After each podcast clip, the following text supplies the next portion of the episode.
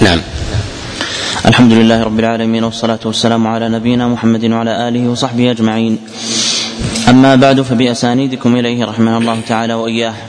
قال باب في باب في الانتصار. حدثنا عيسى بن محمد قال حدثنا الليث بن سعد عن سعيد بن قبوري عن عن بشير بن المحرر عن سعيد بن المسيب أنه قال بينما رسول الله صلى الله عليه وسلم جالس ومعه اصحابه وقع رجل بأبي بكر فآذاه فصمت عنه أبو بكر.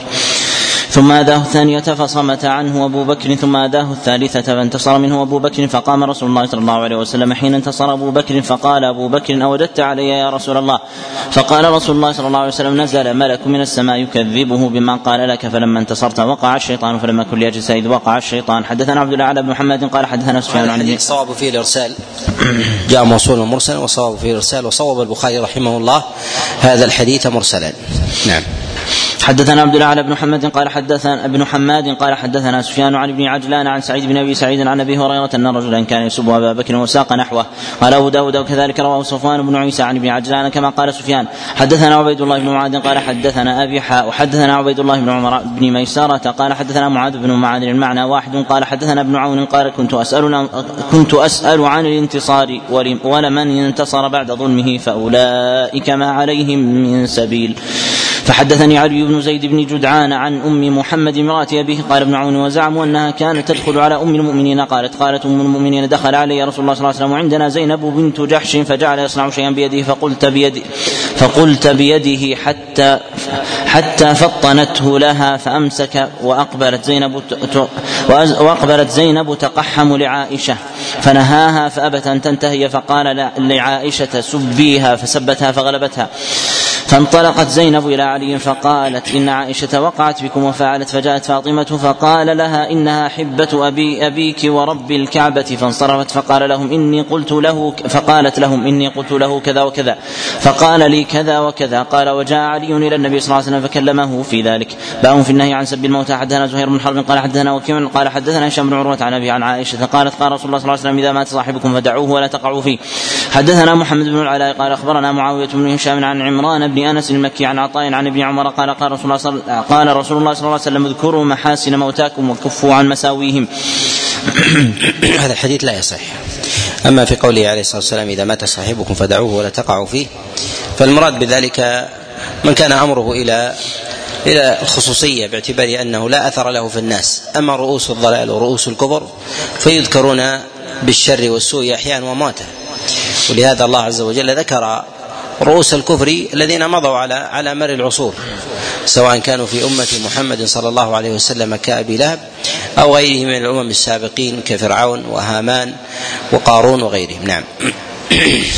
أحسن الله عليكم باب النهي عن البغي. حدثنا محمد بن الصباح بن سفيان قال أخبرنا علي بن ثابت عن عكرمة بن عمار قال حدثني ضمضم بن جوس قال قال أبو هريرة سمعت رسول الله صلى الله عليه وسلم يقول كان رجلان في بني إسرائيل متواخيين فكان أحدهما يذنب والآخر مجتهد في العبادة فكان لا يزال المجتهد يرى الآخر على الذنب فيقول أقصر فوجده يوما على الذنب فقال له أقصر فقال خلني وربي أبعثت علي رقيبا فقال والله لا يغفر الله لك أو قال لا يدخلك الله تعالى الجنة فقبض أرواحهما فاجتمع اجتمع عند رب العالمين. فقال لهذا المجتهد كنت عالما بي أو كنت على ما في يدي قادرا. وقال للمذنب اذهب فادخل الجنة برحمتي. وقال للآخر اذهبوا به إلى النار.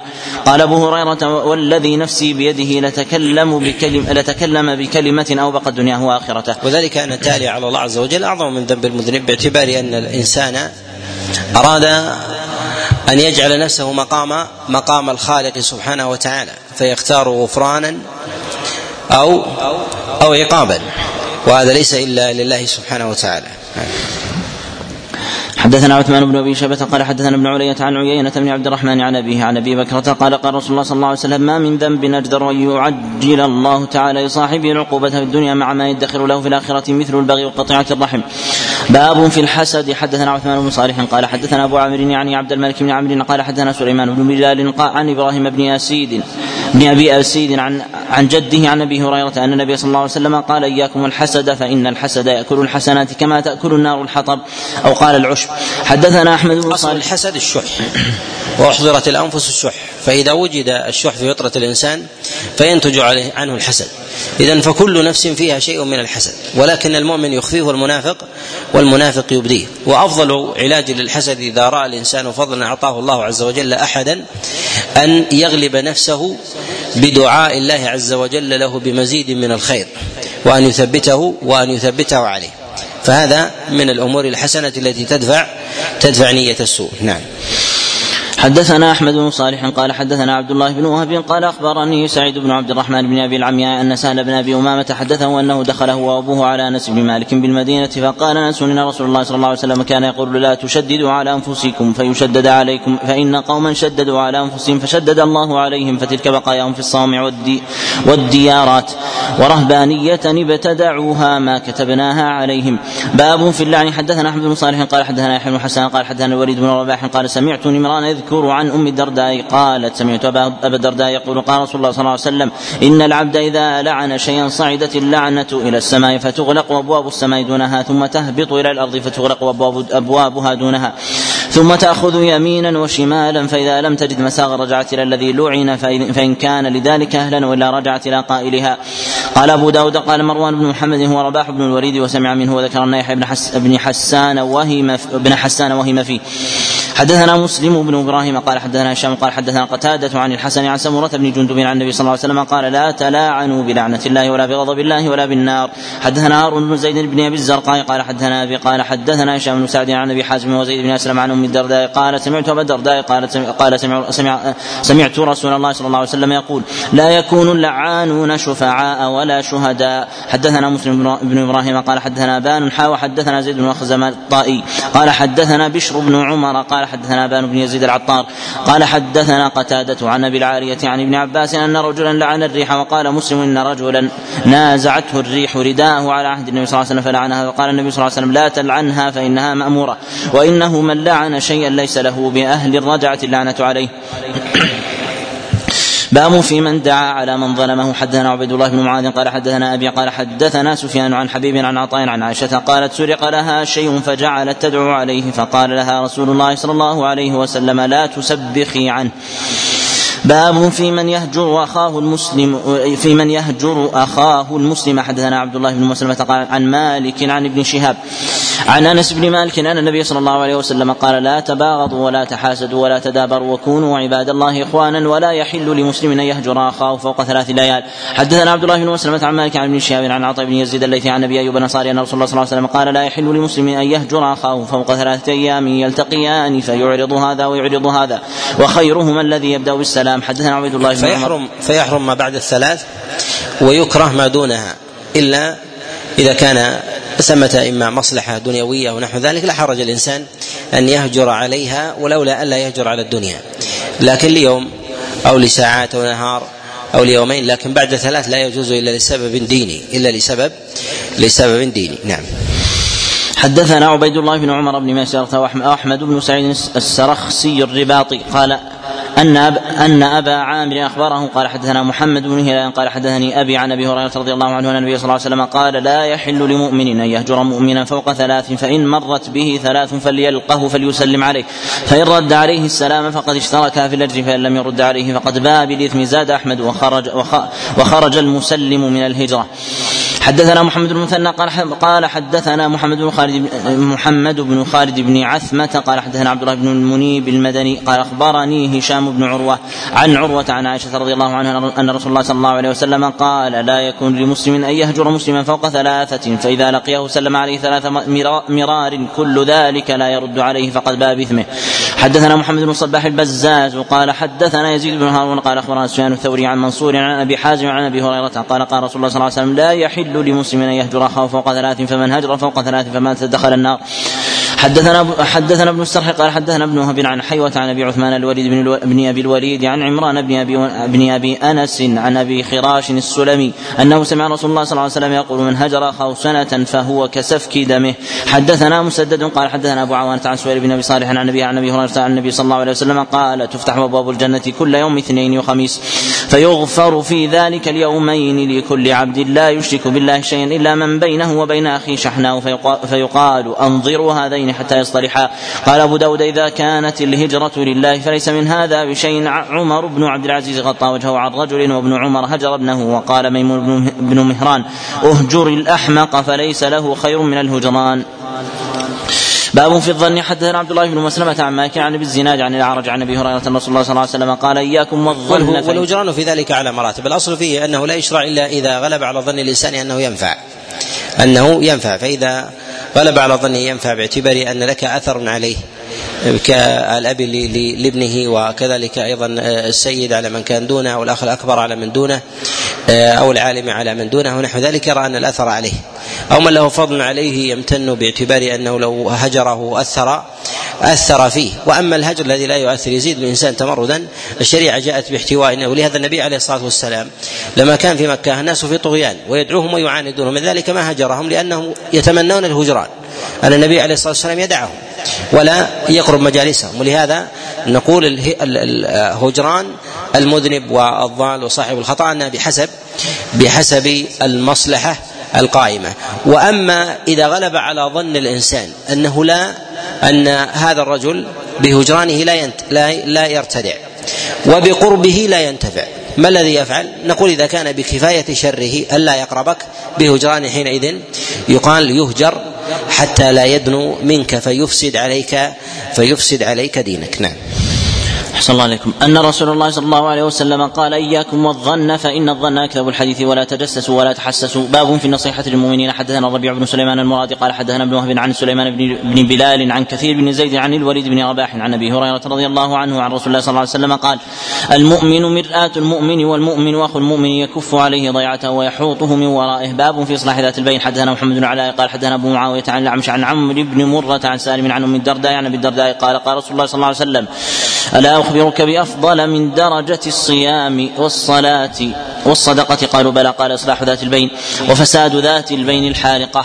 حدثنا نصر بن علي قال حدثنا سفيان عن الزهري وحدثنا مسدد حد قال حدثنا إسماعيل حا وحدثنا أحمد بن محمد بن شبوي المروزي. قال حدثنا عبد الرزاق قال أخبرنا معمر عن الزهري عن حميد بن عبد الرحمن عن امه أن النبي صلى الله عليه وسلم قال لم يكذب من نمى بين اثنين ليصلح وقال أحمد ومسدد ليس بالكاذب من أصلح بين الناس وقال خيرا أو نمى خيرا حدثنا الربيع بن سليمان الجيزي قال حدثنا أبو الأسود عن نافع بن يزيد عن ابن الهادي عن أن عبد الوهاب بن أبي بكر حدثه عن ابن شهاب عن حميد بن عبد الرحمن عن أمه أم كلثوم بنت عقبة قالت سمعت ما سمعت رسول الله صلى الله عليه وسلم يرخص في شيء من الكذب إلا في ثلاث كان رسول الله صلى الله عليه وسلم يقول لا لا أعده كاذبا. الرجل يصلح بين الناس يقول القول ولا يريد به إلا الإصلاح. والرجل يقول في الحرب والرجل يحدث امرأته والمرأة تحدث زوجها. باب في النهي عن الغناء. حدثنا مسدد قال حدثنا بشر عن خالد بن ذكوان عن الربيع بنت معوذ بن عفراء قالت جاء جاء رسول الله صلى الله عليه وسلم فدخل علي صبيحة بني صبيحة بني بي فجلس على فراشي كمجلسك مني فجعلت جويريات جويريات يضربن بدف لهن. ويندبن من قتل من آبائي يوم بدر إلى أن قالت إحداهن وفينا نبي يعلم ما في ما في الغد. فقال دعي هذه وقولي الذي كنت تقولين. حدثنا الحسن بن علي قال حدثنا عبد الرزاق قال أخبرنا معمر عن ثابت عن ناس قال لما قدم رسول الله صلى الله عليه وسلم المدينة لعبت الحبشة لقدومه فرحا بذلك لعبوا بحرابهم. باب كراهية الغناء والزمر. حدثنا مسلم بن إبراهيم قال حدثنا سلام بن مسكين عن شيخ شهد أبا وائل في وليمة فجعلوا يلعبون يغنون فحل أبو وائل حبوته وقال سمعت عبد الله يقول سمعت رسول الله صلى الله عليه وسلم يقول إن الغناء ينبت النفاق في القلب. حدثنا أحمد بن عبيد بن عبيد الله الغداني قال حدثنا الوليد بن مسلم قال حدثنا سعيد بن عبد العزيز عن سليمان بن موسى عن نافع قال سمع ابن عمر مزمارا. قال فوضع إصبعيه في أذنيه ونهى عن الطريق وقال لي يا نافع هل تسمع شيئا؟ قال فقلت لا فرفع إصبعيه من أذنيه وقال كنت مع النبي صلى الله عليه وسلم فسمع مثل هذا فصنع مثل هذا. قال أبو داود هذا حديث منكر. باب الحكم في المخنث. بعض الأئمة يقويه. أبو رجب رحمه الله في كتابه السماع يقوي هذا هذا الحديث. وذلك لمتابعة ميمون له في هذا. وأبو داود ينكره بسبب التفرد تفرد سليمان بن موسى عن نافع.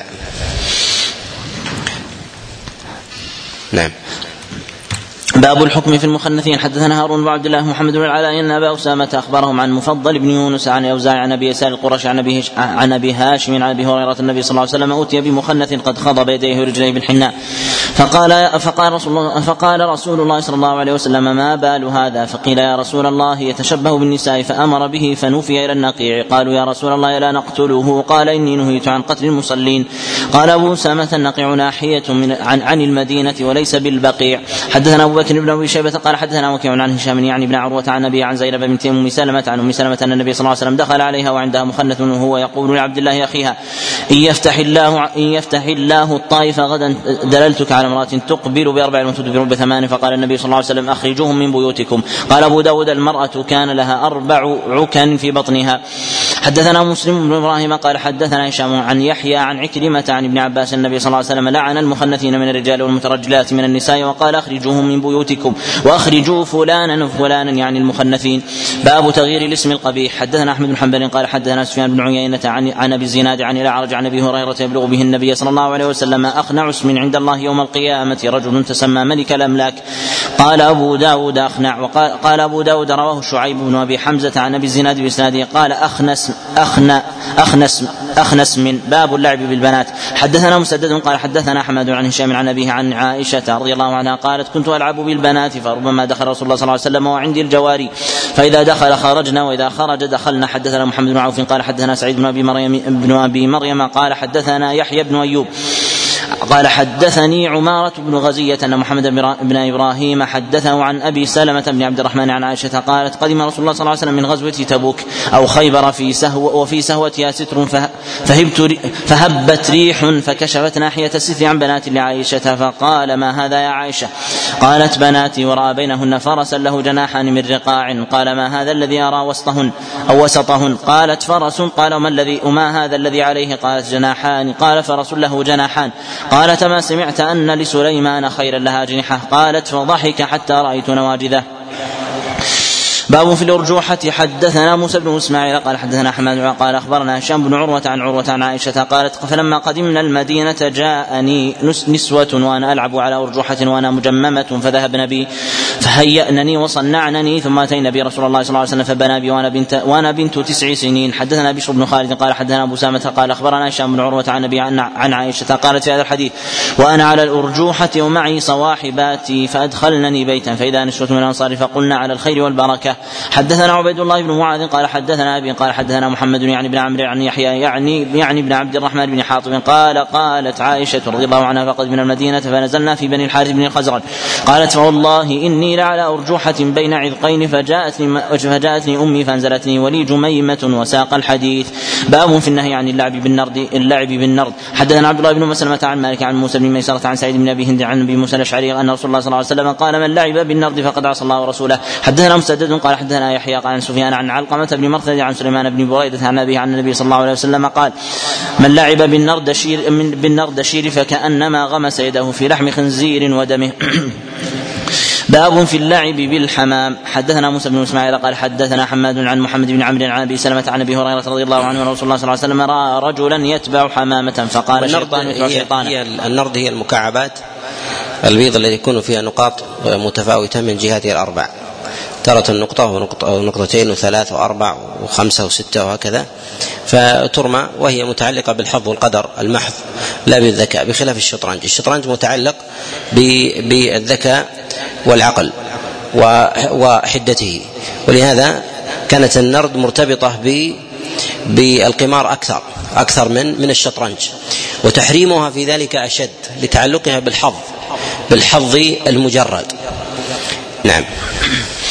صلى الله عليكم. باب في الرحمة. حدثنا أبو بكر بن أبي شبة ومسدد المعنى. قال حدثنا سفيان عن عمرو عن أبي قابوس مولى لعبد الله بن عمرو عن عبد الله بن عمرو رضي الله عنهما يبلغ به يبلغ به النبي صلى الله عليه وسلم قال الراحمون يرحمهم الرحمن ارحموا أهل الأرض يرحمكم أو يرحمكم من في السماء. لم يقل مسدد مولى عبد الله بن عمرو وقال قال النبي صلى الله عليه وسلم.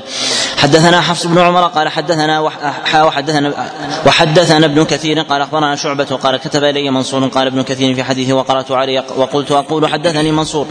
فقال إذا قرأته علي فقد حدثتك ثم اتفق عن أبي عثمان مولى المغيرة بن شعبة عن أبي هريرة قال سمعت أبا القاسم صلى الله عليه وسلم الصادق المصدوق صاحب هذه الحجرة يقول لا تنزع الرحمة إلا من شقي.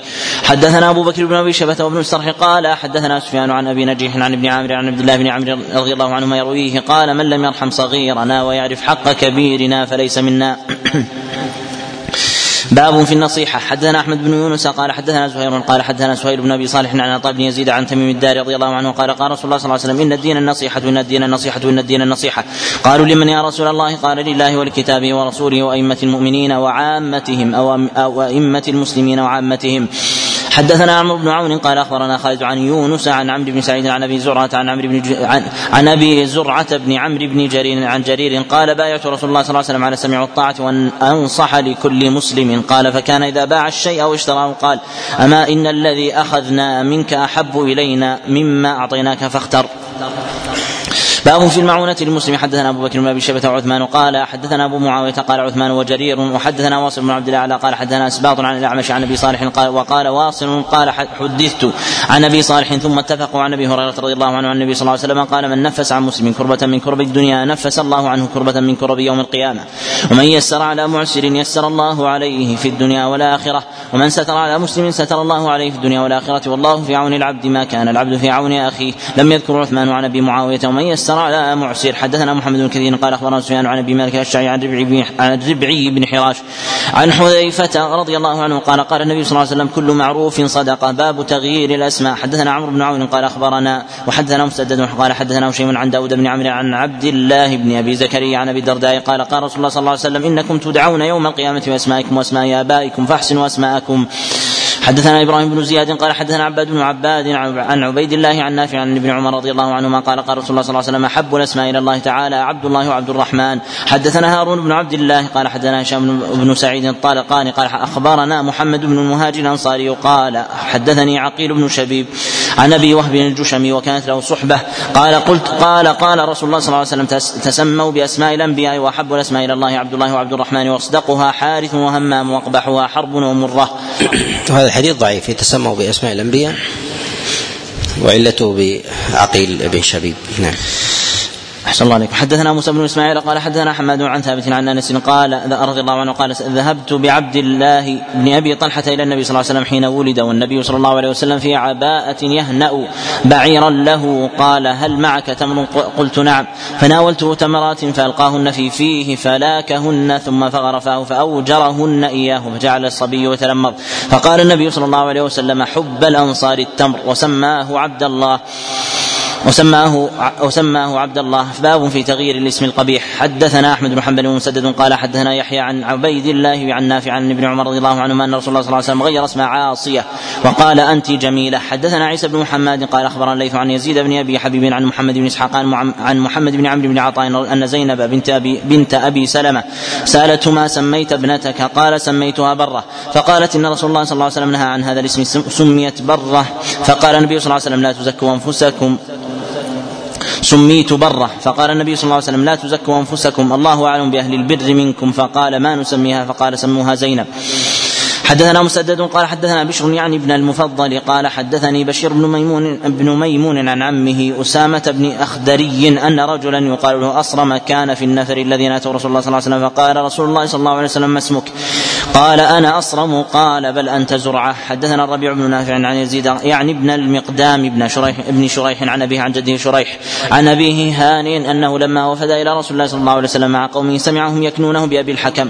فدعاه رسول الله صلى الله عليه وسلم فقال إن الله هو الحكم وإليه الحكم. فلم تكنى أبا الحكم؟ قال إن قومي إذا اختلفوا في شيء أتوني فحكمت بينهم فرضي كلا الفريقين فقال رسول الله صلى الله عليه وسلم ما أحسن هذا؟ فما لك من الولد؟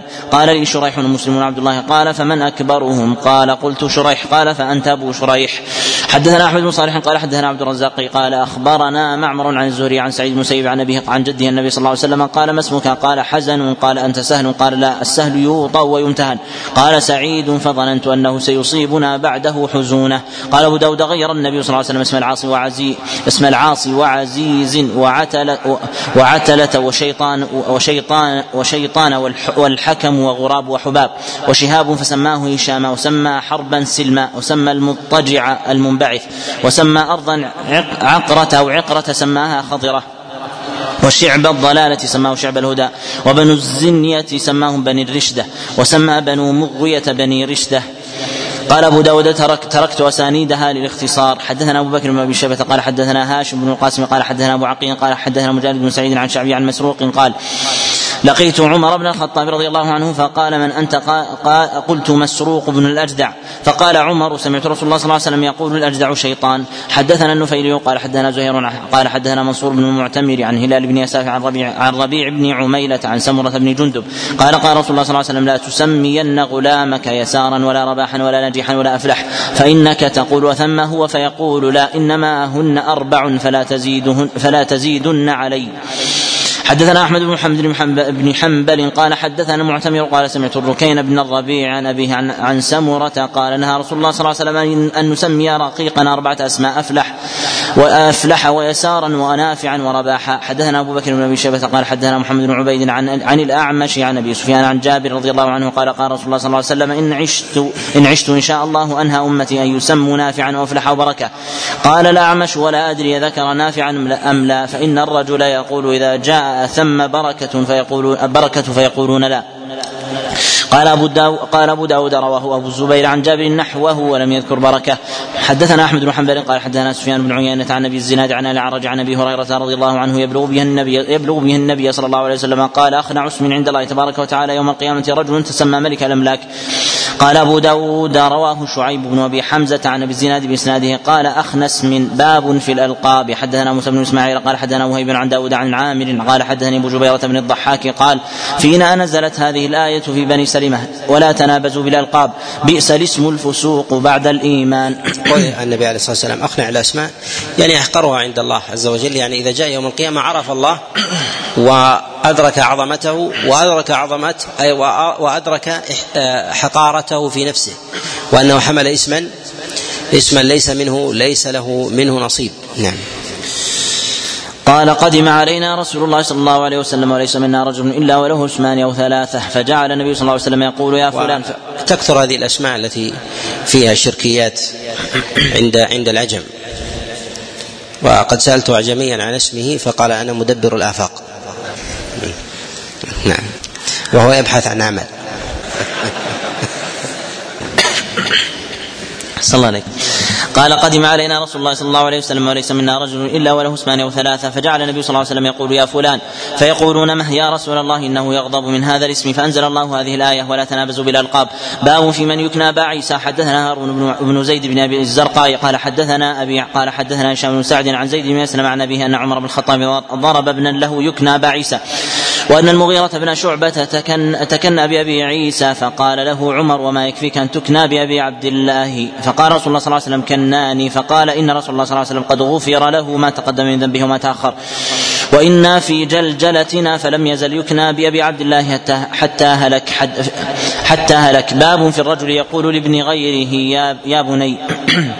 حدثنا عمرو بن عون قال أخبرنا وحدثنا مسدد وابن محبوب قال حدثنا أبو عوانة عن أبي عثمان وسماه ابن محبوب الجعد عن أنس بن مالك رضي الله عنه النبي صلى الله عليه وسلم قال له يا بني باب في الرجل يكنى بأبي القاسم. حدثنا مسدد وابو بكر بن أبي شيبه قال حدثنا سفيان عن أيوب السختياني عن محمد بن سيرين عن أبي هريرة رضي الله عنه قال قال رسول الله صلى الله عليه وسلم تسموا باسمي ولا تكنوا بكنيتي. قال أبو داود وكذلك رواه أبو صالح عن أبي هريرة وكذلك رواية أبي سفيان عن جابر وسالم بن أبي الجعد عن جابر وسليمان يشكري عن جابر وابن المنكدر عن جابر نحوه وأنس بن مالك. باب من روى ألا يجمع ألا يجمع بينهما. حدثنا مسلم بن إبراهيم قال حدثنا هشام عن أبي الزبير عن جابر ان النبي صلى الله عليه وسلم قال من تسمى باسمي فلا يكتني بكنيتي ومن اكتنى بكنيتي فلا يتسمى باسمي. قال أبو داود روى بهذا المعنى ابن عجلان عن أبيه عن أبي هريرة وروي عن أبي زرعة عن أبي هريرة مختلفا على الروايتين وكذلك رواية عبد الرحمن بن أبي عمرة عن أبي هريرة اختلف فيه. ورواه الثوري وابن جريج على ما قال أبو الزبير ورواه معقل بن عبيد الله على ما قال ابن سيرين. واختلف على موسى بن يسار بن يسار واختلف على موسى بن يسار عن أبي هريرة أيضا. على القولين اختلف فيه. حماد بن خالد وابن أبي فديك. باب في الرخصة في الجمع بينهما. حدثنا عثمان وأبو بكر بن أبي شيبة. قال حدثنا أبو أسامة عن فطر عن منذر عن محمد بن الحنفية. قال قال علي رضي الله عنه قلت يا رسول الله إن إن, إن ولد لي من بعدك ولد سميه باسمك وكنيه واكنيه وأكنيه أو أكنيه بكنيتك. قال نعم. ولم يقل أبو بكر قلت. قال قال علي للنبي صلى الله عليه وسلم حدثنا النفيلي قال حدثنا محمد بن عمران الحجبي عن جدته صفية بنت شيبة عن عائشة رضي الله عنها قالت جاءت امرأة إلى رسول الله صلى الله عليه وسلم فقالت يا رسول الله إني قد ولدت غلاما فسميته محمدا وكنيت أبا القاسم فذكر لي أنك تكره ذلك فقال ما الذي أحل اسمي وحرم كنيتي؟ أو ما الذي حرم كنيتي وأحل اسمي؟ باب في الرجل يكنى وليس واختلف العلماء في تعليل ذلك في نهي النبي عليه الصلاة والسلام عن التسمي باسمه والتكني بكنيته فقيل أن من أسباب ذلك حتى لا يقع السب عليه فربما أخطأ الإبن أو أخطأ أحد فوقع عليه السب.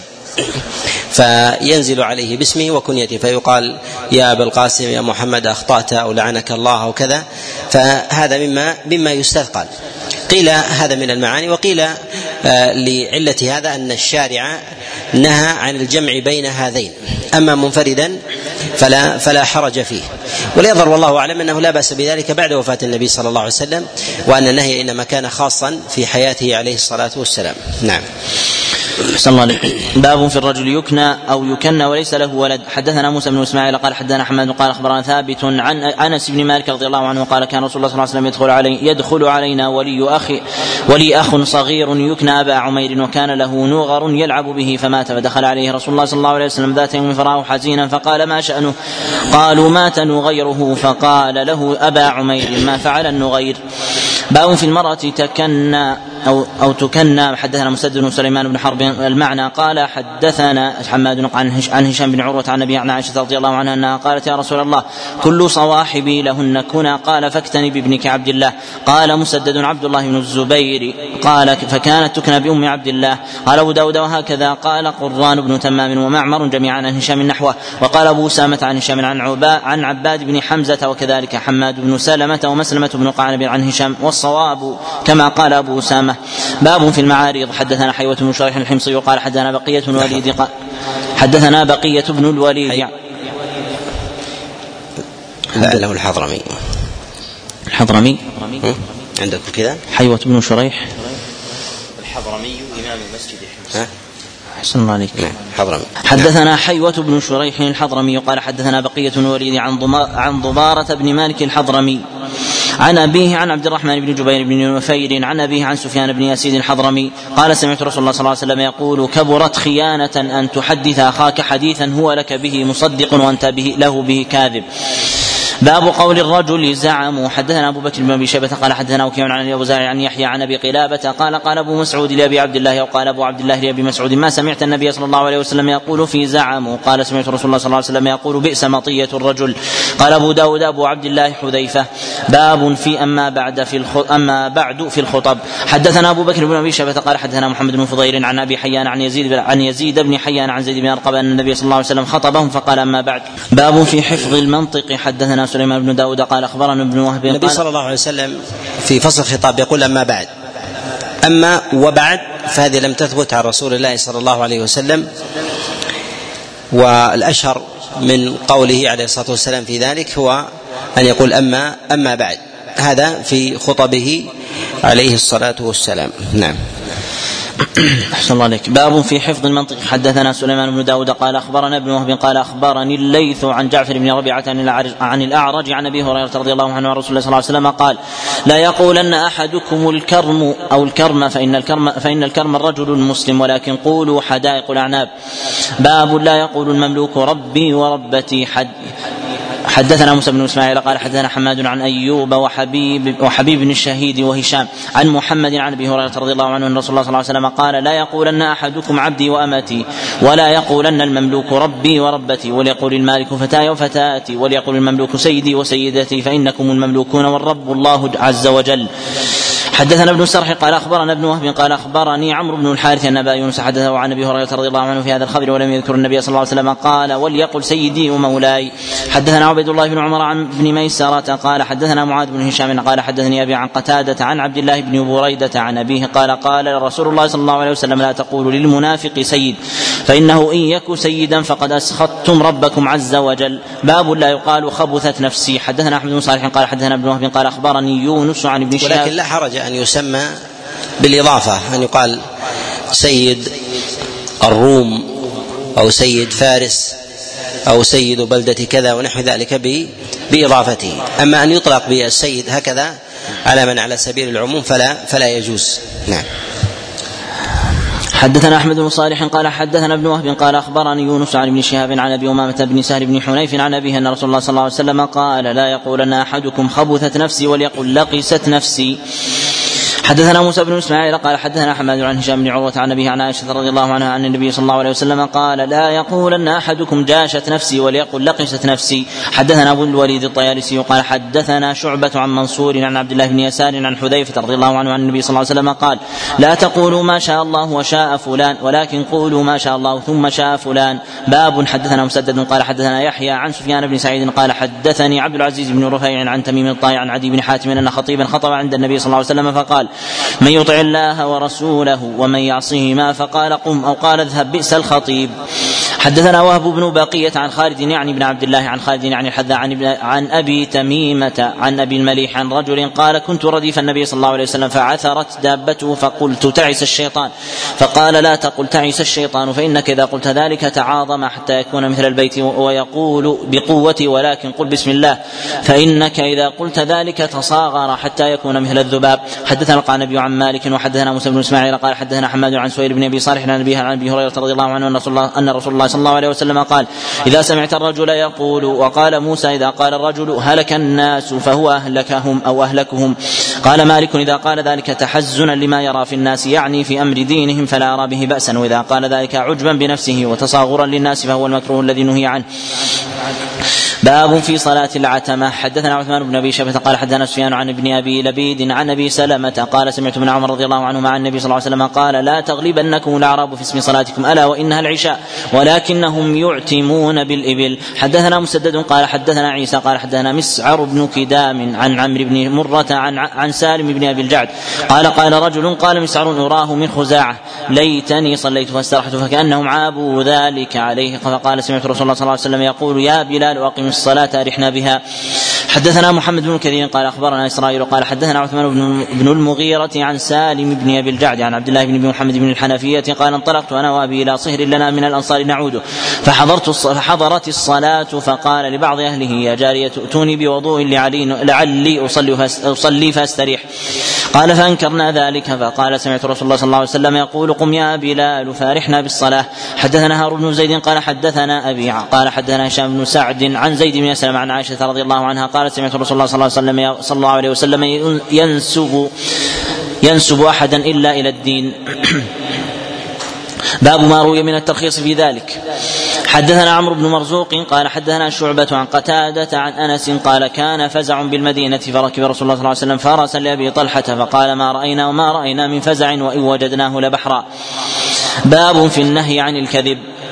حدثنا أبو بكر بن أبي شبة قال حدثنا وكيع قال حدثنا أعمش وحدثنا مسدد قال حدثنا عبد الله بن داود قال حدثنا أعمش عن أبي وائل عن عبد الله قال قال رسول الله صلى الله عليه وسلم إياكم والكذب فإن الكذب يهدي إلى الفجور وإن الفجور يهدي إلى النار وإن الرجل لا يكذب ويتحرى الكذب حتى يكتب عند الله كذابا وعليكم بالصدق فإن الصدق يهدي إلى البر وإن البر وإن البر يهدي إلى الجنة وإن الرجل لا يصدق ويتحرى الصدق حتى يكتب عند الله صديقا.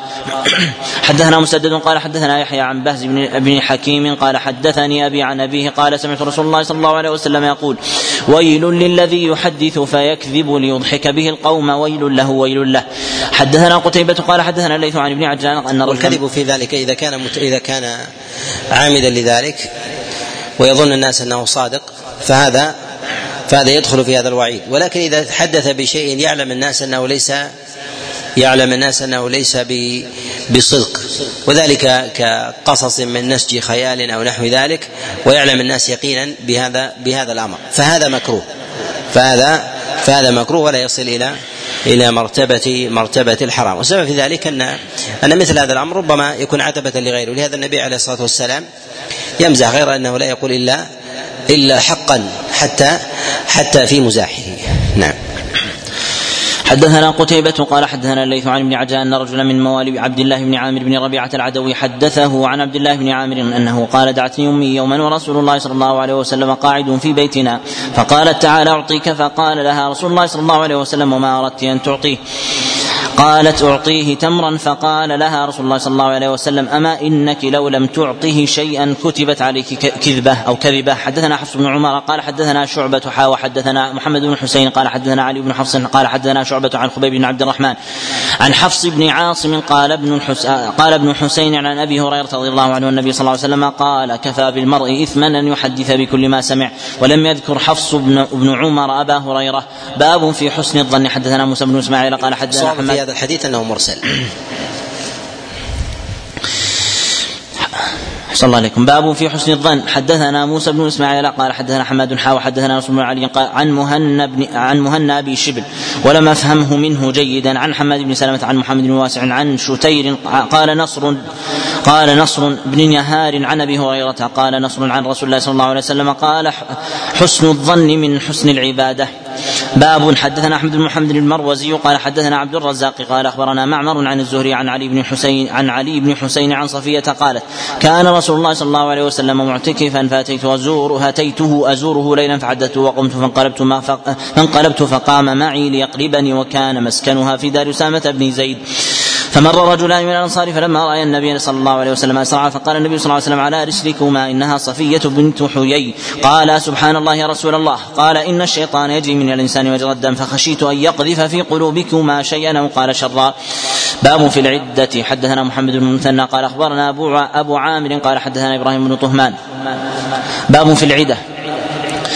حدثنا محمد بن المثنى قال أبو عامر قال حدثنا إبراهيم بن طهمان عن علي بن عبد الاعلى عن ابي عن أبي النعمان عن أبي وقاص عن زيد بن أرقم عن النبي صلى الله عليه وسلم قال إذا وعد الرجل أخاه ومن نيته أن يفي له فلم يفي ولم يجئ للميعاد فلا إثم عليه.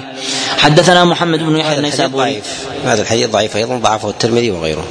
صلى الله عليك حدثنا محمد بن يحيى النيسابوري قال حدثنا محمد بن سنان قال حدثنا إبراهيم بن طهمان ابن طهمان عن بدين عن عبد الكريم عن عبد الله بن شقيق عن أبيه عن عبد الله بن أبي الحمساء قال بايعت النبي صلى الله عليه وسلم ببيع قبل أن يبعث وبقي وبقيت له بقية فوعدته أن آتيه بها في مكانه فنسيت ثم ذكرت بعد ثلاث فجئت فإذا هو في مكانه فقال يا فتى لقد شققت علي أنا ها هنا منذ ثلاث انتظرك. قال أبو قال أبو داود قال محمد بن يحيى هذا عندنا عبد الكريم بن عبد الله بن شقيق, بن شقيق. باب في المتشبع بما لم يعطه. حدثنا سليمان بن حرب قال حدثنا أحمد بن زيد عن هشام بن عروة عن فاطمة بنت المنذر عن اسماء عن اسماء بنت أبي بكر أن امرأة قالت يا رسول الله إن لي جارة تعني ضرة هل هل علي جناح؟ إن تشبعت لها بما لم يعط زوجي. قال المتشبع بما لم يعطه كلابس كلابس ثوبي زور.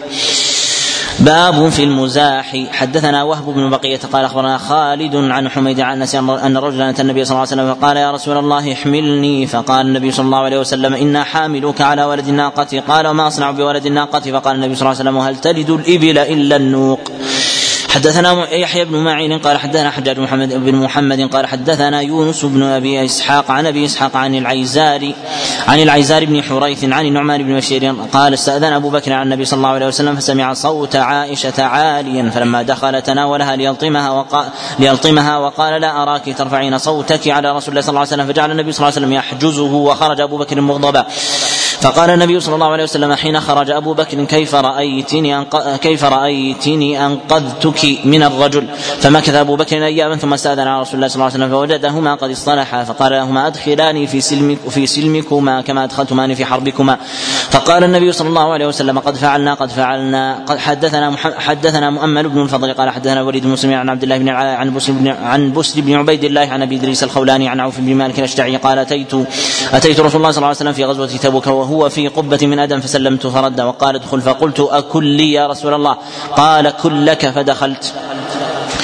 حدثنا صفوان بن صالح قال حدثنا الوليد قال حدثنا عثمان بن أبي العاتكة قال إنما قال أدخل كل من صغر القبة. حدثنا إبراهيم بن مهدي قال حدثنا شريك عن عاصم عن أنس قال قال لي رسول الله صلى الله عليه وسلم يا ذا الأذنين. باب ما يأخذ باب من يأخذ الشيء على المزاح.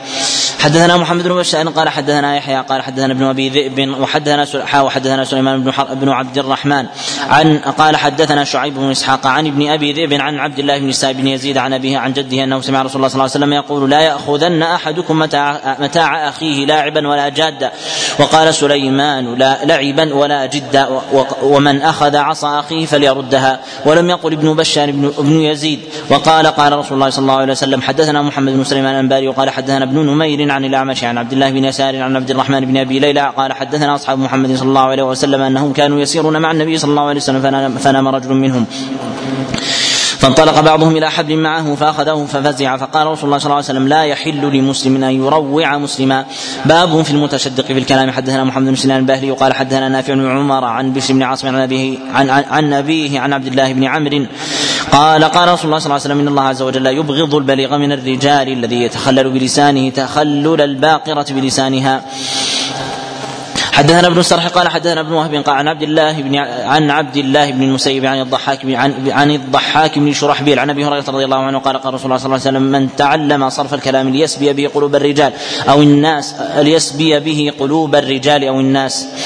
لم يقبل الله منه يوم القيامة صرفا ولا عدلا. حدثنا عبد الله بن مسلمة عن مالك عن زيد بن أسلم عن عبد الله بن عمر أنه قال قدم رجلان من المشرق فخطبا فعجب الناس يعني لبيانهما. فقال رسول الله صلى الله عليه وسلم إن من البيان لسحرا أو إن بعض البيان سحر.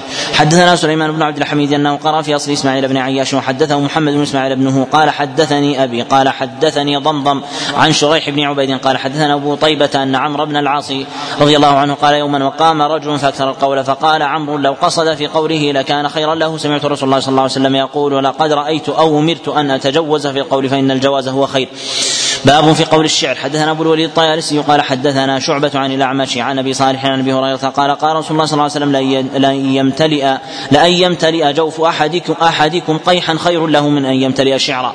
قال أبو علي اللؤلؤي بلغني عن أبي عبيد أنه قال وجهه أن يمتلئ قلبه حتى يشغله عن القرآن وذكر الله فإذا كان القرآن والعلم الغالب فليس جوف هذا عندنا ممتلئا من الشعر.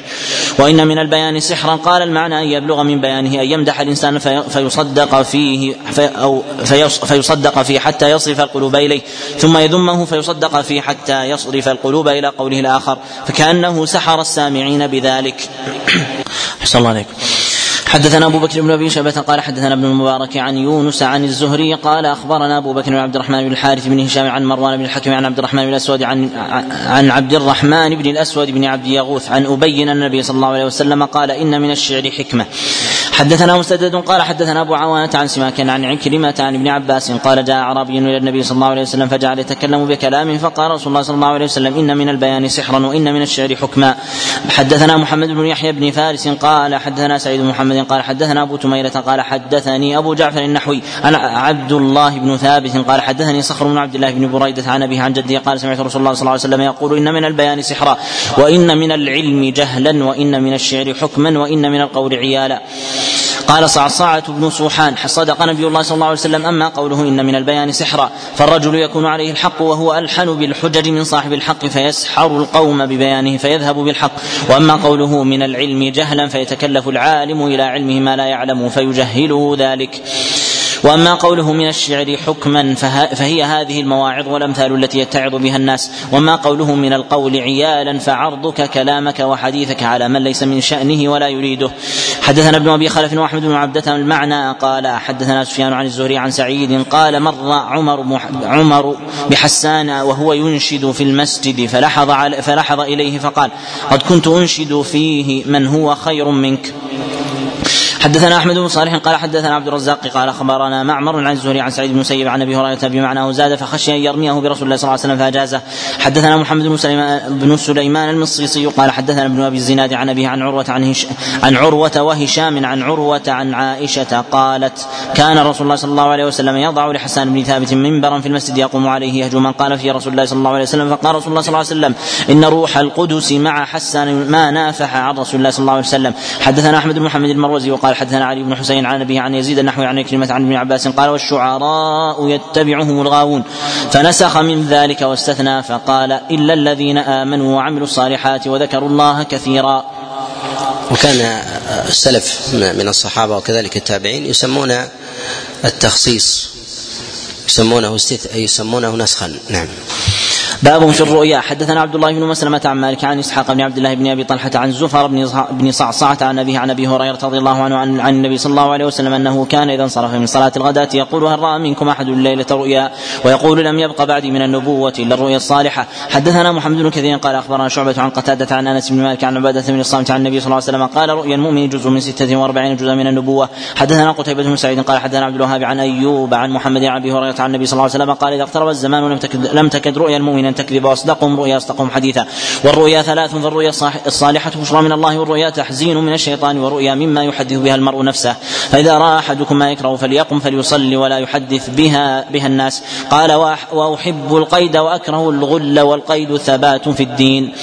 حدثنا أحمد بن محمد بن حنبل قال حدثنا هشيم قال أخبرنا يعلى بن عطاء عن وكيع بن عدس عن عمه أبي رزين قال قال قال قال رسول الله صلى الله عليه وسلم الرؤيا على رجل طائر ما لم تعبر فإذا عبرت وقعت وأحسبه قال ولا تقصها إلا على واد أو ذي رأي قال أبو داود إذا إذا اقترب الزمان يعنون إذا اقترب الليل والنهار إذا استويا حدثنا النفيلي قال سمعت زهيرا يقول سمعت يحيى بن سعيد يقول سمعت أبا سلمة يقول سمعت أبا قتادة يقول سمعت رسول الله صلى الله عليه وسلم يقول الرؤيا من الله والحلم من الشيطان فإذا رأى أحدكم شيئا يكرهه فلينفث أو فلينفث عن يساره ثلاث مرات ثم ليتعوذ من شرها فإنها لا تضره. حدثنا يزيد بن خالد بن موهب الهمداني وقتيبة بن سعيد الثقفي قال حدثنا الليث عن أبي الزبير عن جابر عن رسول الله صلى الله عليه وسلم أنه قال إذا رأى أحدكم الرؤيا يكرهها فليبصق عن يساره وليتعوذ بالله من الشيطان ثلاثا وليتحول عن جنبه الذي كان عليه. حدثنا أحمد بن صالح قال حدثنا عبد الله بن وهب قال أخبرني يونس عن ابن شهاب قال أخبرني أبو سلمة بن عبد الرحمن أن أبا هريرة قال سمعت رسول الله صلى الله عليه وسلم يقول من رآني في المنام فسيراني في اليقظة أو لكانما رآني في اليقظة ولا يتمثل الشيطان بي. حدثنا مسدد سليمان بن داود قال حدثنا حماد قال حدثنا أيوب عن عكرمة عن ابن عباس رضي الله عنه أن النبي صلى الله عليه وسلم قال من صور صورة عذبه الله بها يوم القيامة حتى ينفخ فيها وليس بنافخ. ومن تحلم كلف أن يعقد شعيرة ومن استمع إلى حديث قوم يفرون به منه صب في أذنه الآنك أو الآنك يوم القيامة. والكذب في الرؤيا كبيرة من كبائر الذنوب. كما جاء في الصحيح أنه يكلف ان يعقد بين الشعيرتين وليس وليس بعاقد. وهذا تعجيز نعم. حدثنا موسى بن إسماعيل قال حدثنا حماد عن ثابت عن أنس بن مالك أن رسول الله صلى الله عليه وسلم قال رأيت الليلة كانا في دار عقبة بن رافع واتينا برطب من رطب بن طاب فأولت أن الرفعة لنا في الدنيا والعاقبة في الآخرة وأن ديننا قد طاب. باب في التثاؤب حدثنا أحمد بن يونس قال حدثنا زهير عن سهيل عن ابن أبي سعيد الخدري عن أبيه قال قال رسول الله صلى الله عليه وسلم إذا تثاءب أحدكم فليمسك على فيه فإن الشيطان يدخل. حدثنا محمد بن العلاء عن وكيع عن سفيان عن سهيل نحوه قال في الصلاة فليكظم ما استطاع. حدثنا الحسن بن علي قال حدثنا يزيد بن هارون قال أخبرنا ابن أبي ذئب عن سعيد المقبور عن أبيه عن أبي هريرة قال قال رسول الله صلى الله عليه وسلم إن الله يحب العطاس ويكره التثاؤب فإذا تثاءب أحدكم فليرده ما استطاع. ولا يقول ها ها فإنما ذلكم من الشيطان يضحك منه. باب في العطاس. حدثنا مسدد قال حدثنا يحيى عن ابن عجلان عن سمي عن أبي صالح عن أبي هريرة قال كان رسول الله صلى الله عليه وسلم إذا عطس وضع يده وثوبه على فيه وخفض وغض بها صوته شك يحيى. حدثنا محمد بن داود بن سفيان وخشيش بن أصرم قال حدثنا عبد الرزاق قال أخبرنا معمر عن الزهري عن ابن المسيب عن أبي هريرة رضي الله عنه قال قال رسول الله صلى الله عليه وسلم خمس تجب للمسلم على أخيه. رد السلام وتشميت العاطس وإجابة الدعوة وعيادة المريض واتباع الجنازة. باب في تشميت العاطس. حدثنا عثمان بن أبي شيبة قال حدثنا جرير عن منصور عن هلال بن يسار عن هلال بن يسار. قال كان سالم بن عبيد يعني جالسا فعطس رجل من القوم فقال السلام عليكم وقال سالم عليك وعلى أمك. ثم قال بعد لعلك وجدت مما قلت لك. قال لوددت أنك لم تذكر أمي بخير ولا بشر. قال إنما قلت لك كما قال رسول الله صلى الله عليه وسلم إنا بينا نحن عند رسول الله صلى الله عليه وسلم. عطس رجل من القوم فقال السلام عليكم. فقال رسول الله صلى الله عليه وسلم وعليك وعلى أمك. ثم قال إذا عطس أحدكم فليحمد الله. قال فذكر بعض المحامد وليقل له من عنده يرحمك الله وليرد يعني عليهم يغفر الله لنا ولكم. حدثنا تميم بن المنتصر حدث قال حدثنا إسحاق يعني بن يوسف عن أبي بشر ورقاء عن عن منصور عن هلال بن يسار عن خالد بن عرفطة عن خالد بن عرفطة عن سار بن عبيد عن سار بن عبيد الأشجعي. بهذا الحديث عن النبي صلى الله عليه وسلم حدثنا موسى بن إسماعيل قال حدثنا عبد العزيز بن عبد الله بن أبي سلمة عن عبد الله بن دينار عن أبي صالح عن أبي هريرة رضي الله عنه عن النبي صلى الله عليه وسلم قال إذا عطس أحدكم فليقول الحمد لله على كل حال وليقل أخوه أو صاحبه يرحمك الله ويقول هو يهديكم الله يصلح بالكم. باب ولا يشمت ولا يشمت إلا من من عطس. وأما إذا لم يسمعه وغلب على ظنه أن مثله لا يدع لا يدع ذلك فلا حرج عليه أن يشمته. وقد كان ابن عمر كما روى البخاري في الأدب يقول يرحمك الله إن كنت حمدت الله. نعم. أحسن الله عليكم. باب كم يشمت العاطس؟ وحدثنا مسدد قال حدثنا يحيى عن ابن عجلان قال حدثني سعيد بن أبي سعيد عن أبي هريرة قال شمت أخاك ثلاثا فما زاد فهو زكام.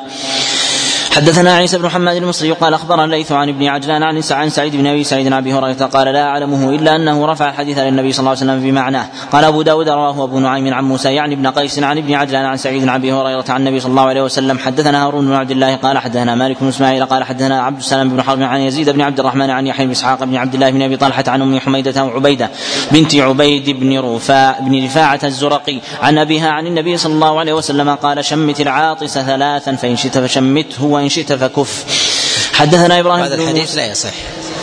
في إسناده جهاله حدثنا إبراهيم بن موسى الرازي قال حدثنا ابن أبي زائدة عن عكرمة بن عمار عن اياس بن سلمة بن الأكوع عن النبي رضي الله عنه أن رجلا عطس عند النبي صلى الله عليه وسلم فقال له يرحمك الله ثم عطس فقال النبي صلى الله عليه وسلم الرجل مزكوم.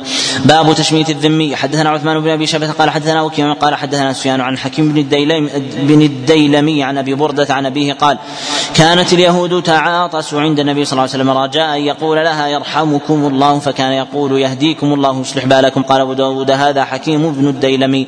باب من يعطس فلا يحمد الله. حدثنا أحمد بن موسى قال حدثنا زهير حا وحدثنا ابن كثير قال أخبرنا سفيان. المعنى قال حدثنا سليمان التيمي عن أنس قال عطس رجلان عند النبي صلى الله عليه وسلم فشمت أحدهما وترك الآخر فقال قال فقيل يا رسول الله رجلان عطسا فشمت أحدهما قال أحمد فسم فسمت أحدهما وتركت الآخر. فسمت أحدهما وتركت الآخر. قال إن فقال إن هذا حمد الله وإن هذا لم يحمد الله تبارك وتعالى. أبواب النوم.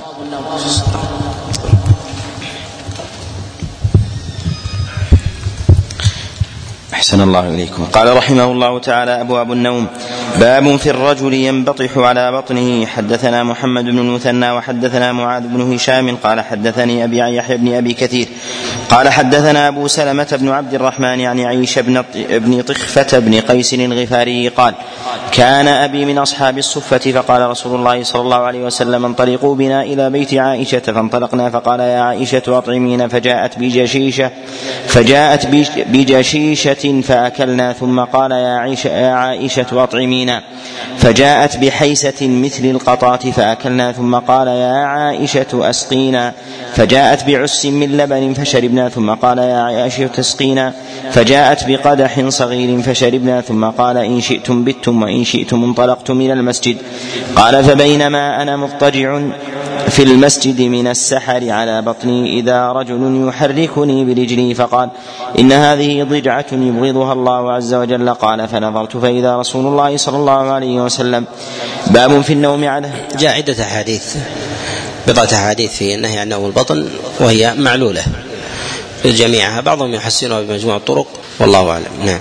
قال رحمه الله تعالى باب في النوم على سطح غير محجر حدثنا محمد بن المثنى قال حدثنا سالم يعني ابن نوح عن عمر بن جابر الحنفي عن وعلة بن عبد الرحمن بن وثاب عن عبد الرحمن بن علي يعني ابن شيبان عن أبيه قال قال رسول الله صلى الله عليه وسلم من بات على ظهر بيت ليس له حجار فقد برئت منه الذمة.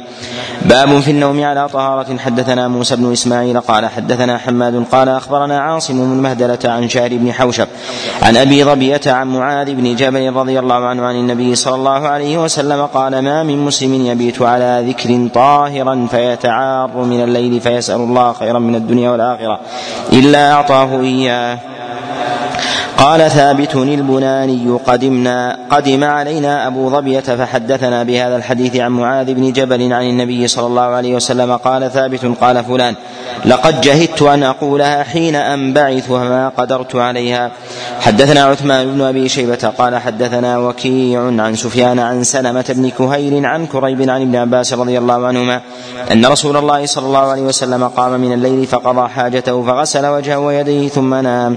قال أبو داود يعني بال باب كيف يتوجه الرجل عند النوم. حدثنا مسدد قال حدثنا حماد عن خالد الحذاء عن أبي قلابة عن بعض آل أم سلمة قال كان فراش النبي صلى الله عليه وسلم نحو مما يوضع الإنسان في قبره وكان المسجد عند رأسه. باب ما يقال عند النوم. حدثنا موسى بن إسماعيل قال حدثنا أبان قال حدثنا عاصم عن معبد بن خالد عن سواء عن حفصة زوج النبي صلى الله عليه وسلم أن رسول الله صلى الله عليه وسلم كان إذا أراد أن يرقد وضع يده اليمنى تحت خده ثم يقول اللهم قني عذابك يوم تبعث عبادك ثلاث مرار. حدثنا مسدد قال حدثنا المعتمر قال سمعت منصورا يحدث عن سعد بن عبيدة قال حدثني البراء بن عازب رضي الله عنهما قال قال لي رسول الله صلى الله عليه وسلم إذا أتيت مضجعك فتوضأ وضوءك للصلاة ثم اضطجع على شقك الأيمن وقل اللهم أسلمت وجهي إليك وفوضت أمري إليك وألجأت ظهري إليك رغبة ورهبة إليك لا ملجأ ولا منجأ منك إلا إليك آمنت بكتابك الذي أنزلت وبنبيك الذي أرسلت. قال فإن مت مت على الفطرة واجعلهن آخر ما تقول. قال البراء فقلت أستذكرهن. فقلت وبرسولك الذي أرسلت. قال لا وبنبيك الذي أرسلت. حدثنا مسدد قال حدثنا يحيى عن فطن بن خليفة قال سمعت سعد بن عبيدة قال سمعت البراء بن عازب قال قال لي رسول الله صلى الله عليه وسلم إذا أويت إلى فراشك وأنت طاهر فتوسد يمينك. حد ثم ذكر نحوه. حدثنا محمد بن عبد الملك الغزال قال حدثنا محمد بن يوسف قال حدثنا سفيان عن الأعمش ومنصور عن سعد بن عبيدة عن البراء بن عازب عن النبي صلى الله عليه وسلم بهذا قال سفيان قال أحدهما إذا أتيت فراشك طاهر طاهرا وقال الآخر توضأ وضوءك للصلاة وساق معنا معتمر. حدثنا أبو بكر بن أبي شيبة قال حدثنا وكيع عن سفيان عن عبد الملك بن عمير عن ربعي عن حذيفة رضي الله عنه قال كان النبي صلى الله عليه وسلم إذا نام قال اللهم باسمك أحيا وأموت وإذا استيقظ قال الحمد لله الذي أحيانا بعدما أماتنا وإليه النشور. حدثنا أحمد بن يونس قال حدثنا زهير قال حدثنا عبيد الله بن عمر عن سعيد بن أبي سعيد المقبوري عن أبي عن أبي هريرة رضي الله عنه قال قال رسول الله صلى الله عليه وسلم إذا أوى أحدكم إلى فراشه فلينفض فراشه بداخلة إزاره فإنه لا يدري ما خلفه عليه ثم ليضطجع على شق الأيمن ثم ليقل باسمك ربي وضعت جنبي وبك أرفعه إن أمسكت نفسي فارحمها وإن ارسلتها فاحفظها بما تحفظ به عبادك الصالحين. حدثنا موسى بن إسماعيل قال حدثنا وهيب حاء وحدثنا وهب بن وقية عن خالد نحوه عن سهيل عن أبيه عن أبي هريرة رضي الله عنه عن النبي صلى الله عليه وسلم أنه كان يقول إذا أوى إلى فراشه اللهم رب السماوات ورب الأرض ورب كل شيء فالق الحب والنوى منزل التوراة منزل التوراة والإنجيل والقرآن أعوذ بك من شر كل ذي شر أنت آخذ بناصيتي أنت الأول فليس قبلك شيء وأنت الآخر فليس بعدك شيء وأنت الظاهر فليس فوقك شيء وأنت الباطن فليس دونك شيء. زاد وهب في حديثه اقض عني الدين وأغنني من الفقر. حدثنا عباس بن عبد العظيم العنبري قال حدثنا الأحوص يعني ابن جو يعني ابن جواب قال حدثنا عمار بن رزيق عن أبي إسحاق عن الحارث وأبي ميسرة عن علي رضي الله عنه عن رسول الله صلى الله عليه وسلم أنه كان يقول عند مضجعه اللهم إني أعوذ بوجهك الكريم وكلماتك التامات وكلماتك التامة من شر ما أنت آخذ بناصيته. اللهم أنت تكشف المغرم والمأثم اللهم لا يهزم جندك ولا يخلف وعدك ولا ينفع ذا الجد منك الجد سبحانك وبحمدك.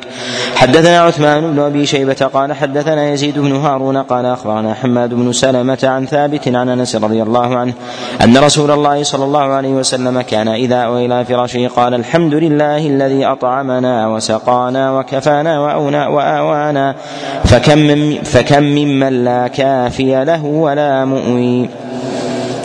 حدثنا جعفر بن مسافر التنيسي قال حدثنا يحيى بن حسان قال حدثنا يحيى بن حمزة عن ثور عن خالد بن معدان عن أبي الأزهر الأنماني أن رسول الله صلى الله عليه وسلم كان إذا أخذ مضجعه من الليل قال بسم الله وضعت جنبي. اللهم اغفر لي ذنبي وأخسئ شيطاني وفك رهاني واجعلني في الندي الأعلى. قال أبو داود رواه أبو همام الأهوازي عن ثور قال أبو زهير الأنماري. حدثنا النفيلي قال حدثنا زهير قال حدثنا أبو إسحاق عن فروة بن نوفل عن أبيه أن النبي صلى الله عليه وسلم قال لنوفل اقرأ قل يا أيها الكافرون ثم نم على خاتمتها فإنها براءة من الشرك. حدثنا قتيبة بن سعيد ويزيد بن خالد بن موهب الهمداني قال حدثنا المفضل يعني وقراءة الكافرون عند النوم ضعيفة. الحديث في ذلك مرسل ولا يصح موصولا. نعم. حدثنا قتيبة بن سعيد ويزيد بن خالد بن موهب الهمداني قال حدثنا المفضل يعني يعني ابن فضالة عن عقيل عن ابن شهاب عن عروة عن عائشة رضي الله عنها أن النبي صلى الله عليه وسلم كان إذا أوى إلى فراشه كل ليلة جمع كفيه ثم نفث فيهما وقرأ فيهما قل هو الله أحد وقل أعوذ برب الفلق وقل أعوذ برب الناس ثم يمسح بهما ما استطاع من جسده يبدأ بهما على رأسه ووجهه وما أقبل من جسده يفعل ذلك ثلاث مرات حدثنا مؤمل بن الفضل حدثنا مؤمل بن الفضل الحراني قال حدثنا بقية عن بحير عن خالد بن معدان عن ابن أبي بلال عن عرباض بن سارية رضي الله عنه أن رسول الله صلى الله عليه وسلم كان يقرأ المسبحات قبل أن يرقد وقال إن فيهن آية أفضل من ألف آية. حدثنا علي بن مسلم قال حدثنا عبد الصمد قال حدثنا أبي قال حدثني أبي قال حدثنا حسين عن ابن بريدة عن ابن عمر رضي الله عنهما أنه حدثه أن رسول الله صلى الله عليه وسلم كان يقول إذا أخذ مضجعه الحمد لله الذي كفاني وآواني وأطعمني وسقاني والذي من علي فأفضل والذي أعطاني فأجزل الحمد لله على كل حال اللهم رب كل شيء ومليكه وإله كل شيء أعوذ بك من النار حدثنا حامد بن يحيى قال حدثنا أبو عاصم عن ابن عجلان عن المقبوري عن أبي هريرة رضي الله عنه قال قال رسول الله صلى الله عليه وسلم من اضطجع مضجعا لم يذكر الله تعالى فيه إلا كان عليه ترة يوم القيامة ومن قعد مقعدا لم يذكر الله فيه إلا كان عليه ترة يوم القيامة. باب ما يقول الرجل إذا تعار من الليل. حدثنا عبد الرحمن بن إبراهيم الدمشقي قال حدثنا الوليد قال قال الأوزاعي حدثني عمير بن هانئ قال حدثني جنادة بن أبي أمية عن عبادة بن الصامت رضي الله عنه قال قال رسول الله صلى الله عليه وسلم من تعار من الليل فقال حين يستيقظ لا إله إلا الله وحده لا شريك له له الملك وله الحمد وهو على كل شيء قدير. سبحان الله والحمد لله ولا إله إلا الله والله أكبر ولا حول ولا قوة إلا بالله ثم دعا رب اغفر لي. قال الوليد أو قال دعا استجيب له فإن قام فتوضأ ثم صلى قبلت صلاته.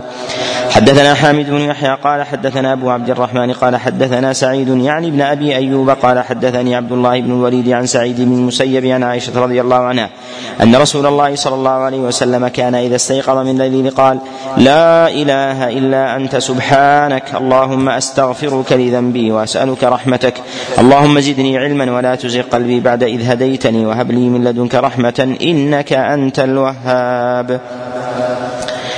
باب في التسبيح عند النوم. حدثنا حفص بن عمر قال حدثنا شعبة حاء وحدثنا مسدد قال حدثنا يحيى عن شعبة المعنى عن الحكم عن ابن أبي ليلى قال مسدد. قال قال حدثنا علي قال شكت فاطمة إلى النبي صلى الله عليه وسلم ما تلقى في يدها من الرحى فأتي بسبي فأتته تسأله فلم تره فأخبرت بذلك عائشة فلما جاء النبي صلى الله عليه وسلم أخبرت فأتانا وقد أخذنا مضاجعنا فذهبنا لنقوم فقال على مكانكما فجاء فقعد بيننا حتى وجدت برد قدميه على صدري فقال ألا أدلكما على خير مما سألتما؟ إذا أخذتما مضاجعكما فسبحا ثلاثا وثلاثين وأحمدا ثلاثا وثلاثين وكبرا أربعا وثلاثين فهو خير لكما من خادم. حدثنا مؤمل بن هشام اليشكري قال حدثنا إسماعيل بن إبراهيم عن الجريري عن أبي عن أبي الورد بن ثمامة قال قال علي لابن أعبد ألا أحدثك عني وعن فاطمة بنت رسول الله صلى الله عليه وسلم وكانت أحب أهله إلي وكانت عندي فجرت برها حتى أثرت بيدها واستقت بالقربة حتى أثرت في نحرها وقمت البيت حتى اغبرت ثيابها وأوقدت القدر حتى دكنت ثيابها وأصابها من ذلك ضر فسمعنا أن رقيقا أتي به من النبي صلى الله عليه وسلم فقلت لو أتيت أباك فسألته خادما يكفيك فأتته فوجدت, فوجدت عنده حداثا فاستحيت فرجعت فغدا علينا ونحن في لفاعنا فجلس عند رأسها فأدخلت رأسها في اللفاع حياء من أبيها فقال ما كان حاجتك أمس إلى, مح إلى آل محمد صلى الله عليه وسلم؟ فسكتت مرتين. فقلت أنا والله أحدثك يا رسول الله. إن هذه جرت عندي بالرحى حتى أثرت في يدها واستقت بالقربة حتى أثرت في نحرها وكسحت البيت حتى اغبرت ثيابها وأوقدت القدر حتى دكنت ثيابها وبلغنا أنه قد أتاك رقيق أو خدم فقلت لها سلي خادما فذكر معنى حديث الحكم وأتم. نعم. قال رحمه الله تعالى حدثنا عباس العنبري قال حدثنا عبد الملك بن عمرو قال حدثنا عبد العزيز بن محمد عن يزيد بن الهادي عن محمد بن كعب الغاضي عن شبث بن, رب بن ربعي عن علي رضي الله عنه عن النبي صلى الله عليه وسلم بهذا الخبر قال فيه قال علي فما تركتهن منذ سمعتهن من رسول الله صلى الله عليه وسلم إلا ليلة صفين فإني ذكرتها من آخر الليل فقلتها حدثنا حفص بن عمر قال حدثنا شعبة عن عطاء بن السائب عن أبي عن عبد الله بن عمرو عن النبي صلى الله عليه وسلم قال خصلتان أو خلتان لا يحافظ عليهما عبد مسلم إلا دخل الجنة هما يسير ومن يعمل بهما قليل. يسبح في دبر كل صلاة عشرا ويحمد عشرا ويكبر عشرا فذلك خمسون ومائة باللسان وألف وخمسمائة في الميزان. ويكبر أربعا وثلاثين إذا أخذ مضجعه ويحمد ثلاثا وثلاثين ويسبح ثلاثا وثلاثين. فذلك مئة باللسان وألف في الميزان فلقد رأيت رسول الله صلى الله عليه وسلم يعقدها بيده قالوا يا رسول الله كيف هما يسير ومن يعمل بهما قليل؟ قال يأتي أحدكم يعني الشيطان في منامه فينومه قبل أن يقوله ويأتيه في صلاته فيذكره حاجة قبل أن يقولها. حد حدثنا أحمد بن صالح قال حدثنا عبد الله بن وهب قال حدثني عياش بن عقبة الحضرمي عن الفضل بن الحسن الضمري أن ابن أم الحكم أو ضباعة ابنتي الزبير حدثه عن إحداهما أنها قالت أصاب رسول الله صلى الله عليه وسلم سبيا فذهبت أنا وأختي وفاطمة بنت النبي صلى الله عليه وسلم إلى النبي صلى الله عليه وسلم فشكونا إليه ما نحن فيه وسألناه أن يأمر لنا بشيء من السبي. فقال رسول الله صلى الله عليه وسلم سبق كن يتامى بدر ثم ذكر قصة التسبيح قال على أثر كل صلاة لم يذكر النوم. باب ما يقول إذا أصبح. حدثنا مسدد قال حدثنا شيب عن على بن عطاء عن عمرو بن عاصم عن أبي هريرة أن أبا بكر الصديق رضي الله عنهما قال يا رسول الله مغني بكلمات أقولهن إذا أصبحت وإذا أمسيت. قال قل اللهم فاطر السماوات والأرض عالم الغيب والشهادة رب كل شيء ومليكه أشهد أن لا إله إلا أنت أعوذ بك من شر نفسي وشر الشيطان وشركه. قال قلها إذا أصبحت وإذا أمسيت وإذا أخذت مضجعك حدثنا موسى بن إسماعيل قال حدثنا وهيب قال حدثنا سهيل عن ابي عن أبي هريرة عن النبي صلى الله عليه وسلم أنه كان يقول إذا أصبح اللهم بك أصبحنا وبك أمسينا وبك نحيا وبك نموت وإليك النشور وإذا أمسى قال اللهم بك أمسينا وبك نحيا وبك نموت وإليك النشور. حدثنا أحمد بن صالح قال حدثنا محمد بن أبي فديك قال أخبرني عبد الرحمن بن عبد المجيد قال عن هشام بن الغاز بن ربيعة مكحون الدمشقي. عن أنس بن مالك رضي الله عنه أن رسول الله صلى الله عليه وسلم قال من قال حين يصبح ويمسي. اللهم إني أصبحت أشهدك وأشهد حملة عرشك وملائكتك وجميع خلقك أنك أنت الله. لا إله إلا أنت وأن محمدا عبدك ورسولك. أعتق الله ربعه من النار. فمن قالها مرتين أعتق الله نصفه ومن قالها ثلاثا أعتق الله ثلاثة أرباعه. فإن قال أربعا اعتقه الله من النار. حدثنا أحمد بن يونس قال حدثنا زهير قال حدثنا الوليد بن ثعلبة الطائي عن عن ابن بريدة عن أبي عن النبي صلى الله عليه وسلم قال من قال حين يصبح أو حين يمسي اللهم أنت ربي لا إله إلا أنت خلقتني وأنا عبدك وأنا على عهدك وعدك ما استطعت وأعوذ بك من شر ما صنعت وأبو لك بنعمتك أبوء أبوء بنعمتك وأبوء بذنبي فاغفر لي إنه لا يغفر الذنوب إلا أنت فمات من يومه أو من ليلته دخل الجنة حدثنا وهب بن بقية عن خالد حاون وحدثنا محمد بن قدامة بن أعين. قال حدثنا جرير عن الحسن بن عبيد الله عن إبراهيم بن سويد عن عبد الرحمن بن يزيد عن عبد الله أن النبي صلى الله عليه وسلم كان يقول إذا أمسى أمسينا وأمسى الملك لله والحمد لله لا إله إلا الله وحده لا شريك له. وأما زبيد كان يقول كان إبراهيم بن سويد يقول لا إله إلا الله وحده لا شريك له له الملك وله الحمد وهو على كل شيء قدير.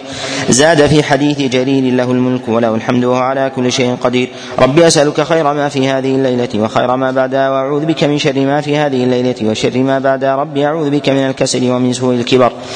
أو الكفر. ربي أعوذ بك من عذاب في النار وعذاب في القبر. وإذا أصبح قال ذلك أيضا. أصبحنا وأصبح الملك لله. قال أبو داود. رواه شعبة عن سليم بن كهيل عن سلمة بن كهيل عن إبراهيم بن سويد قال من سوء الكبر. ولم من سوء الكبر ولم يذكر سوء الكفر. حدثنا حفص بن عمر قال حدثنا شعبة عن أبي عقيل عن سابق بن ناجية عن أبي سلام أنه كان في مسجد حمص فمر به رجل فقال هذا خدم النبي صلى الله عليه وسلم فقام إليه فقال حدثني بحديث سمعته من رسول الله صلى الله عليه وسلم لم يتداوله بينك وبينه الرجال قال سمعت رسول الله صلى الله عليه وسلم يقول من قال إذا أصبح وإذا أمسى رضينا بالله ربا وبالإسلام دينا وبمحمد صلى الله عليه وسلم رسولا إلا كان حقا على الله أن يرضيه.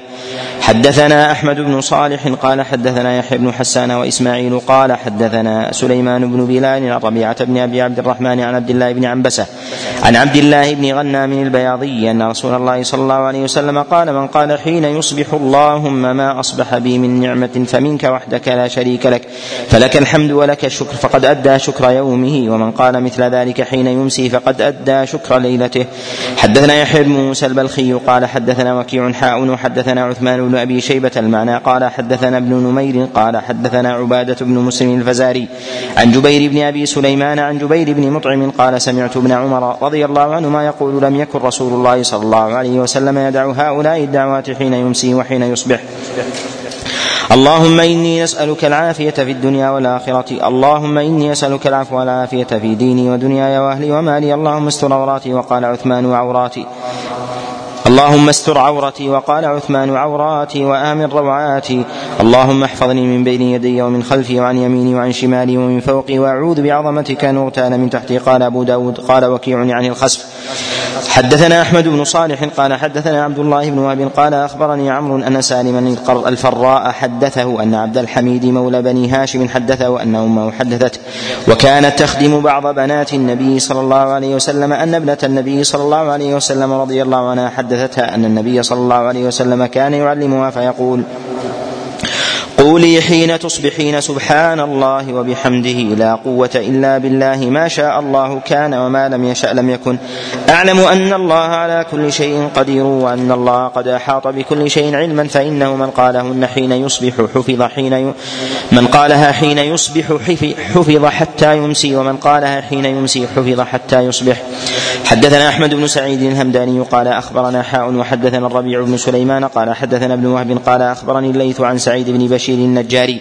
عن محمد بن عبد الرحمن البيلماني يعني قال الربيع بن البيلماني عن أبي عن ابن عباس رضي الله عنهما عن رسول الله صلى الله عليه وسلم أنه قال من قال حين يصبح فسبحان الله حين تمسون وحين تصبحون وله الحمد في السماوات والأرض وعشيا وحين تظهرون إلى قول وكذلك تخرجون. أدرك ما فاته في يومه ذلك ومن قالهن حين يمسي. أدرك ما فاته في ليلته قال الربيع عن الليث. حدثنا موسى بن إسماعيل قال حدثنا حماد بن وهيب نحوه عن سهيل عن أبي عن ابن أبي عائش قال حماد عن أبي عياش أن رسول الله صلى الله عليه وسلم قال من قال إذا أصبح لا إله إلا الله وحده لا شريك له له الملك وله الحمد وهو على كل شيء قدير. كان له عدل رقبة من ولد رقبة من ولد إسماعيل وكتب له عشر حسنات وحط عنه عشر سيئات ورفع له عشر درجات. وكان في حرز من الشيطان حتى يمسي وإن قالها إذا أمسى كان له مثل ذلك حتى يصبح يصبح قال في حديث حماد فرأى رجل رسول الله صلى الله عليه وسلم فيما يرى النائم فقال يا رسول الله إن أبا عياش يحدث عنك بكذا وكذا. قال صدق أبو عياش. قال أبو داود رواه إسماعيل بن جعفر وموسى بن الزمعي وعبد الله بن جعفر عن سهيل عن أبيه عن ابن عائش. حدثنا عمرو بن عثمان قال حدثنا بقية عن مسلم يعني ابن زياد قال سمعت أنس بن مالك رضي الله عنه يقول قال رسول الله صلى الله عليه وسلم من قال حين يصبح اللهم إني أصبحت أشهدك وأشهد حملة عرشك وملائكتك وجميع خلقك أنك أنت الله لا إله إلا أنت وحدك لا شريك لك وأن محمدا عبدك رسولك إلا غفر له ما أصاب في يومه ذلك من ذنب وإن قال حين يمسي غفر له ما أصاب تلك الليلة. حدثنا إسحاق بن إبراهيم أبو النضر الدمشقي قال حدثنا محمد بن شعيب قال أخبرني أبو سعيد الفلسطيني عن عبد الرحمن بن حسان عن الحارث بن مسلم أنه أخبره عن أبيه مسلم بن الحارث التميمي عن رسول الله صلى الله عليه وسلم أنه أسر إليه فقال إذا انصرفت من صلاة المغرب فقل اللهم أجني من النار سبع مرات فإنك إذا قلت ذلك ثم مت في ليلتك كتب لك جوار منها وإذا صليت الصبح فقل كذلك فإنك إن مت في يومك كتب لك جوار منها أخبرني أبو سعيد عن الحارث أنه قال سرها إلينا رسول الله صلى الله عليه وسلم فنحن نخص بها إخواننا. حدثنا حدثنا عمرو بن عثمان الحمصي ومؤمل بن الفضيل الحراني وعلي بن سهل الرملي ومحمد بن مصفى الحمصي قالوا حدثنا الوليد. قال حدثنا عبد الرحمن بن حسان الكناني قال حدثني مسلم بن الحارث بن مسلم التميمي عن أبيه أن النبي صلى الله عليه وسلم قال نحوه إلى قوله جوار منها إلا أنه قال فيهما قبل أن يكلم أحدا. قال علي بن سهل فيه إن أباه حدثه وقال علي وابن المصفى بعثنا رسول الله صلى الله عليه وسلم في سرية فلما بلغنا المغار. استحثثت فرسي فسبقت أصحابي وتلقاني الحي بالرنين فقلت لهم قولوا لا إله إلا الله تحرزوا فقالوا ها فلامني أصحابي وقالوا أحرمتنا الغنيمة.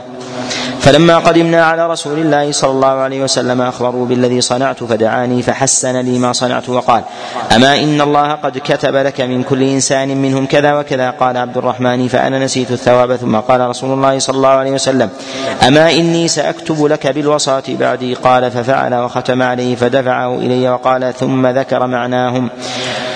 وقال لي ثم ذكر معناهم وقال ابن المصفى قال سمعت الحارث بن مسلم بن الحارث التميمي التميمي يحدث عن أبيه.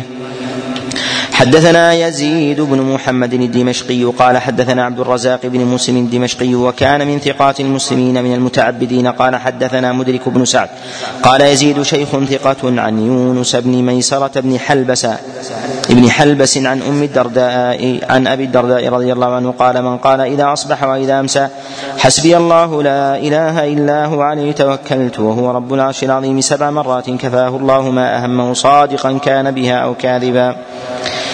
حدثنا محمد بن مصفى قال حدثنا ابن أبي فديك قال هذا الحديث لا يصح. في قول حسبي الله لا إله إلا هو عليه توكلت من أذكار الصباح والمساء. نعم. قال أخبرني ابن أبي ذئب عن أبي أسيد البراد عن معاذ بن عبد الله بن خبيب عن ابي أنه قال خرجنا في ليلة مطر وظلمة شديدة نطلب رسول الله صلى الله عليه وسلم ليصلي لنا فأدركناه. فقال أصليتم؟ فلم أقل شيئا فقال قل. فلم أقل شيئا ثم قال قل. فلم أقل شيئا ثم قال قل. فقلت يا رسول الله ما أقول؟ قال قل هو الله أحد والمعوذتين حين تمسي وحين تصبح ثلاث مرات تكفيك من كل شيء. حدثنا محمد بن عوف قال حدثنا محمد بن إسماعيل قال حدثني أبي قال ابن عوف رأيته في أصل إسماعيل.